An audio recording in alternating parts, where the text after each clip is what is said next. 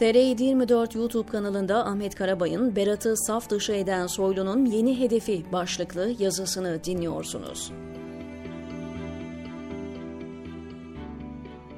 İçişleri Bakanı Süleyman Soylu'yu Hüdayi Nabit ya da nevzuhur bir siyasetçi sananlar yanılır. Halbuki o 1990'lardan bu yana siyasetin göbeğinde. Daha 20'li yaşların başında Doğru Yol Partisi İstanbul Gençlik Kollarındayken merkez sağ gazetecilerle sıkı dostluklar kurdu. Kimiyle telefon dostluğu, kimiyle akşam yemeği dostluğu, kimiyle umre dostluğu. 21 Kasım 1969 doğumlu Soylu henüz 53 yaşında bir dönem rakibi olarak gösterilen, şimdilerde saf dışı ettiğine inandığı Numan Kurtulmuş'tan 10 yaş genç. Bir başka ciddi rakip damat Berat Albayrak'tı. Soylu biliyordu ki Erdoğan kendisinden sonra aileye dayalı bir yönetim sistemi kuracaktı.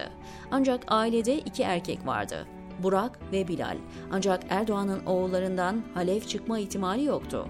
Potansiyel isim damat Berat Albayrak'tı. Bu nedenle Berat Albayrak 7 Haziran 2015 seçimlerinde milletvekili yapıldıktan sonra Soylu'nun radarından hiç çıkmadı. Ahmet Davutoğlu hükümetinde Berat Albayrak'a Enerji ve Tabi Kaynaklar Bakanlığı, Soylu'ya Çalışma ve Sosyal Güvenlik Bakanlığı verildi. Soylu sıradan bir bakanlık verilmesine içerlediyse de sorun etmedi. 15 Temmuz Soylu'nun kendisini ortaya çıkaracak bir fırsattı hazırladığı altyapıyla TRT'yi işgalden kurtaran adam olarak ön plana çıktı. Görevden ayrılan Efkan Alan'ın yerine İçişleri Bakanı koltuğuna oturduğunda ara dönem için istediğini elde etmiş oldu.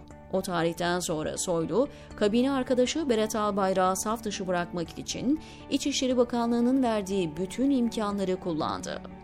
Bir gün kendisine yakın gazetecilerin kulağına manken Özge Ulusoy'un çok önemli birisiyle birlikte bir yatta olduğunu fısıldadı.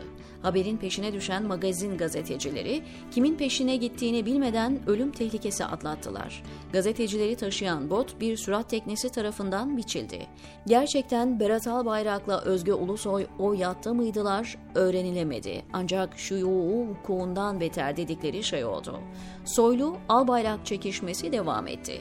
Ağustos 2018'de Anıtkabir'de düzenlenen tören sonrasında Soylu'nun Berat Albayrak'a omuz atması Fox TV kameralarına yansıdı. Soylu'ya göre Berat Albayrak siyasi anlamda ölümcül bir yara almış durumda. Artık dönebilmesi imkansız. Dönmeye kalksa bile Soylu tarafı atacağı hamlelerinin olduğuna inanıyor. Şimdilerde Soylu'nun yeni hedefi küçük damat Selçuk Bayraktar. Damat Selçuk Bayraktar'a ait Baykar Havacılık Şirketi, devletin bütün imkanları ve bilgi birikimi aktarılarak parlatıldı. Bu alanda daha önce mesafe almış olan Vestel, Aselsan ve TAI, Beştepe Sarayı tarafından birer birer saf dışı bırakıldı. Baykar'ın ürettiği SİHA ve İHA'ların yurt içinde ve yurt dışında başarılı sonuçlar elde etmesiyle yeni damadın şirketi Yeşilköy'deki Atatürk Havalimanı'nı kendi şov alanına çevirdi. Sektörde hiçbir rekabete izin vermedi vermeye yanaşmayan damat Selçuk Bayraktar, her yıl Eylül ayında yaptığı Teknofest etkinliğini bu sene kayınpederine sandıkta destek sağlamak amacıyla seçimden iki hafta öncesine aldı. Teknofest'in 27 Nisan'da başlamasından bir gün önce Millet İttifakı'nın Cumhurbaşkanı adayı Kemal Kılıçdaroğlu, Atatürk Havalimanı'nı uzay üssü ve havacılık sanayinin merkezi yapacaklarını açıkladı. Kılıçdaroğlu, ABD'nin en hızlı büyüyen özel şirketlerinden biri olan Sierra Nevada Corporation'ın sahipleri Eren Fatih Özmen çiftiyle görüştüğünü ve kendilerinin de buraya gelmeyi kabul ettiklerini açıkladı.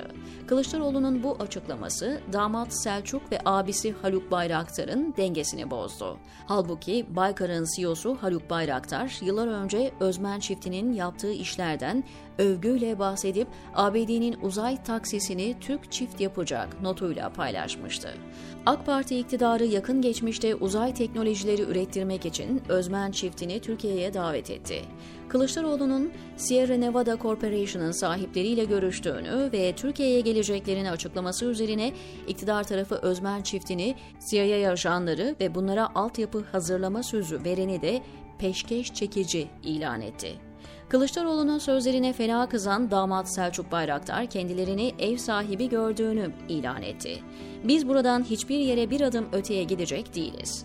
Biz bu topraklarda misafir değil, ev sahibiyiz. Ev sahibinin üzerine kapıyı kapattığını zanneden kendisi dışarıda kalır. Küçük damat Bayraktar bu konuşmasıyla siyasete göz kırpınca bundan rahatsız olan Süleyman Soylu 14 Mayıs Batı'nın siyasi bir darbe girişimidir sözleriyle gündemi değiştirdi. Teknofest ikinci plana atıldı. Berat'ı saf dışı bıraktığını düşünen Soylu şimdi yeni hedefini de düşürme peşinde. Erdoğan'ın rahatsızlığı ve hastalığının nasıl bir seyir izleyeceğinin belli olmaması AK Parti'de liderlik yarışını hızlandırdı. Erdoğan giderse AK Parti dağılır diye düşünenler yanılıyor. Evet çok güç kaybeder. 60 yıl önce siyaset sahnesinden giden Menderes'in popülerliğinden hareketle bugün hala Demokrat Parti diye bir parti bu ülkede varsa Erdoğan'ın namı bir asır sürer diyor Ahmet Karabay TR724'deki köşesinde.